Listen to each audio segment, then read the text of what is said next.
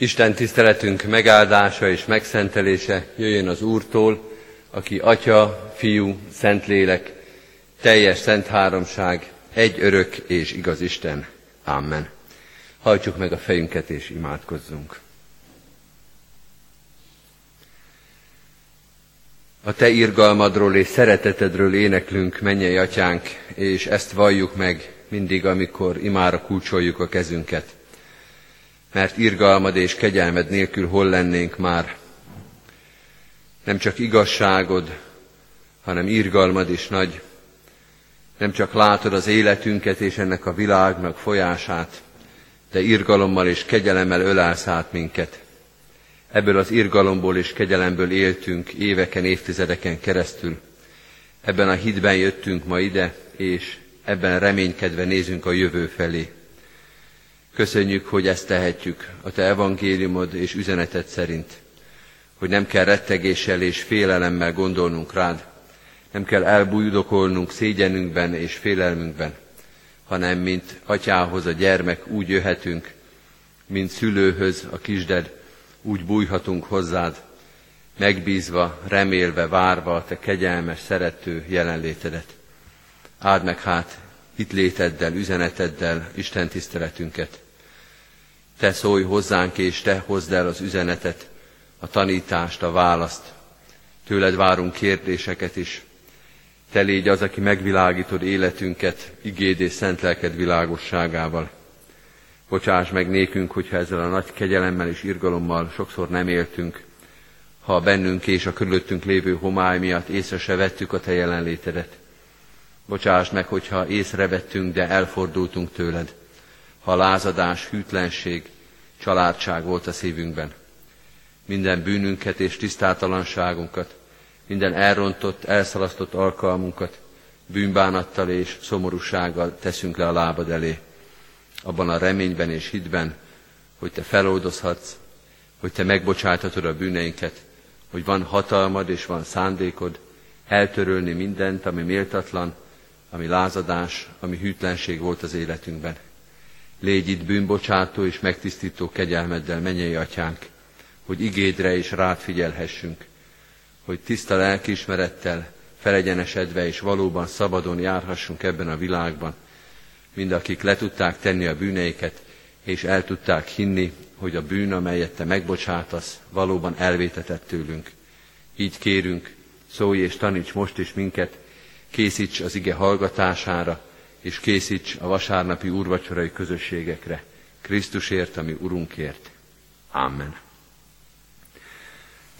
Kedves testvérek, az a szentírásbeli rész, melynek alapján Isten szent lelkének segítségül hívásával üzenetét hirdetni kívánom közöttetek, írva található a Zsoltárok könyvében, a 103. Zsoltárban, a 103. Zsoltár 6. versétől a 13. versig a következőképpen. Minden elnyomottal törvényesen és igazságosan bánik az Úr. Megismertette útjait Mózessel, cselekedeteit Izrael fiaival. Irgalmas és kegyelmes az Úr, türelme hosszú, szeretete nagy nem perel mindvégig, nem tart haragja örökké. Nem védkeink szerint bánik velünk, nem bűneink szerint fizet nekünk. Mert amilyen magasan van az ég a föld fölött, olyan nagy a szeretete az Isten félők iránt. Amilyen messze van napkelet napnyugattól, olyan messzire veti el védkeinket. Amilyen irgalmas az apa fiaihoz, olyan irgalmas az Úr az Isten félőkhöz eddig Istennek írott igéje.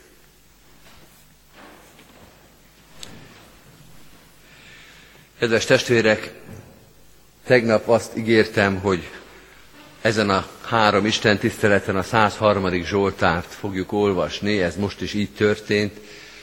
Tegnap az első öt verset, most a hatodik verstől a tizenharmadik versig, és majd a holnapi Isten tiszteleten este hogyha Isten engedi és élünk, akkor a 14. verstől a 18. versig olvassuk a 103. Zsoltárt. És arról is szó volt, hogy ezek a szakaszok, mind a három szakasz két pilléren álló gondolatmenet, a mai pillérek, a mai két nagy üzenet, amelyik megjelenik ebben a nagyon szép Zsoltárban, az Isten igazsága és az Isten irgalma. Tehát Isten igazsága és Isten irgalma, ez az a két pillér, ez az a két láb, amire fölállítja ennek a Zsoltán résznek az üzenetét a Szentíró. Isten igazságos, mondja a 103. Zsoltár. Minden elnyomottal törvényesen és igazságosan bánik az Úr, megismertette útjait Mózessel, cselekedeteit Izrael fiaival.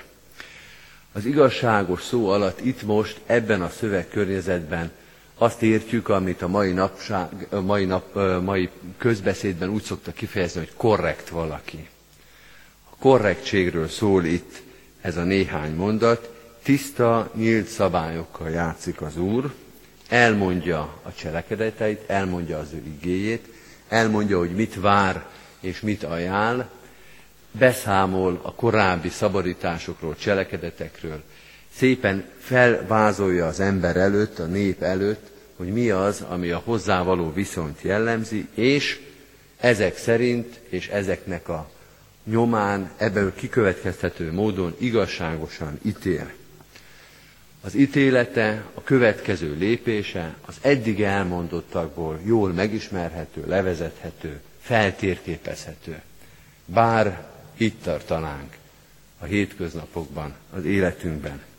Mert ami az ember életét jellemzi, az szinte ennek a tökéletes ellentéte, a levegtetés, az ígérgetés, amikor úgy körülbelül lehet tudni, hogy merre hány méter, amikor mondanak valamit, de már a kimondás pillanatában érzi az ember, hogy ez olyan ügyesen van fogalmazva, hogy adott esetben majd másképpen is lehessen érteni, az apró betűs részek, hogy az ember hall valamit, és ott valahol elsug, eldugva, ott van annak az ellenkezője is, valami még, amit nem veszünk észre, és utólag majd verhetjük a fejünket a falba, hogy hát erre nem gondoltunk, de úgy mondták, hogy lehetőleg ne is gondoljunk, és akkor ezek után még jön az ítélet, ami még a agyafurtan, nehezen érthetően megfogalmazott szabályokhoz képest is valamilyen szinten más, valamilyen köpönyegforgatás, csalás, korrupció.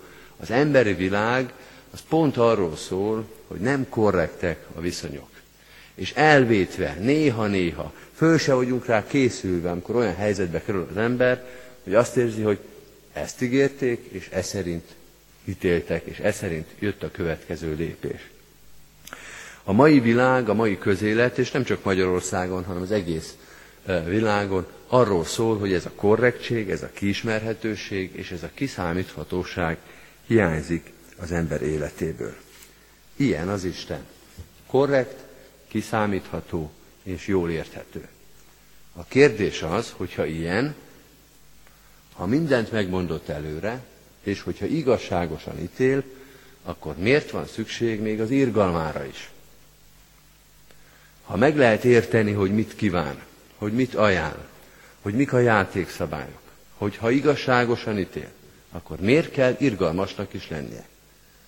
Mert az egyik láb, az egyik pillér az, az igazságosság volt, de a másik a mindent meghaladó, mindent elfedező, mindent kibíró és eltűrő irgalmasság és szeretet. Miért van szükség az Isten irgalmára, hogyha egyszer ennyire korrekt és átlátható? Azért, kedves testvérek, mert a két pillér között van ott még valami, ami a második pillért, az irgalmat szükségesé teszi. Az Isten nyíltsága, korrektsége és igazságossága és az Isten irgalma között ott van az emberi homály, az emberi bűn, az emberi káosz, amely elfedi, összekeveri, kiismerhetetlenné teszi az Isten igazságos és korrekt rendjét. Isten lefekteti a szabályokat, és elmond mindent, és jön az ember, az ember életében a szétdobáló, ami mindent összekever, és a legegyszerűbb és legtisztább dolgokat is képes olyan homályba burkolni, hogy aztán csak, ahogy szoktuk mondani, az Isten irgalma az, ami ebből valamit kibogoz. Tehát az emberrel nem az a baj, mondja a 103. Zsoltár, hogy nem érti meg az Isten igéjét, hogy nem lehet tudni, hogy mit is akar az Isten, hogy olyan kiismerhetetlen, titokzatos az Isten. Nem az a baj az ember életébe, hogy nem lehet meglátni, hogy végül is miről szól az Isten akarata, hanem miközben az Isten mindent tisztán elmond, az ember képes a homályos, kaotikus dolgaival még a legtisztább és legkorrektebb rendszert is a feje tetejére állítani. A 80-as években, eh, bocsánat, nem, most az elmúlt években volt egyszer egy nagy természeti eh, katasztrófa, Izlandon kitört egy vulkán, eh, talán emlékszünk a hírekbe, és az egész európai kontinens, talán a múlt évben történt, az európai kontinens hatalmas füstfelhőbe, vagy ilyen hamufelhőbe burkolta. És akkor nem mentek a repülőgépek, leálltak bizonyos közlekedési dolgok. Valami ilyesmit lehet itt látni, hogy van egy tiszta és szabályozott rendszer, és egyszer csak kitör a bűnnek a vulkánja, és mindent több ezer kilométerre, több generációra, minden egyes helyzetre szétterítve befed, el, elfed és összezavar az emberi bűnnek ez a felhője. Ezért van szükség az Isten irgalmára. Az Isten irgalma és az Isten szeretete, ahogy a 103. Zsoltár logikáját követjük, az egy helyreállító, restauráló szeretet. Valamit, amit az emberi káosz, az emberi homály elfedett, újra létre kell hozni, restaurálni kell. Amit az ember elrontott, amit az ember összetört, amit az ember elvesztett, aminek a darabjai széthulta, a kezébe, azt az Isten létrehozó, helyreállító, restauráló kegyelme kell, hogy helyrehozzon. Volt egy idő, amikor múzeumban dolgoztam, és a múzeumnak az egyik legkedvesebb helye számunkra a restaurátor műhely volt. Most elárulok egy titkot, ne ítéljék meg nagyon a múzeumban dolgozókat. A restaurátoroknak a jelentős része abból áll, nem az, hogy behoznak valami törött darabot, hanem behoznak a múzeumba valamilyen darabot, ami aztán a múzeumba tönkre megy, mert ide pakolják, oda pakolják, költözik a raktár, a raktárosok lejtik, a raktárosok fölborítják, és a restaurátorok nem az évszázadok gondjait hozzák létre, hanem ott a múzeumba keletkezik, akkor a múzeumi raktáros, mint például én is voltam, megyünk kisé rossz lelkiismereten szemle hunyva a restaurátorokhoz, amit mi elrontottunk, azt ők hozzák létre. És hát a restaurátorok csodálatos kezű emberek, elképzelhetetlenül összetört és ripityára tört darabokat tudnak helyreállítani. A 103. Zsoltár valami ilyesmiről szól. Hogy az az ember, aki elismerte, beismerte, felismerte az életében, hogy össze van törve, hogy a leglényegesebb részek hiányoznak, hogy valahonnan eltűnt, vagy valahogyan eltűnt a közepe, hogy szét van repedve, hogy meg van karcolva, hogy meg van sebesülve. Ezt az életet oda kell vinni az Istenhez, és akkor fogja, és az elképzelhetetlenül ügyes kezeivel elkezdi összeragasztani. És az, amire egy civil ember azt mondja, hogy ebből a halomból soha nem lesz semmi. Az nem igaz, hogy ezt még meg lehet ragasztani.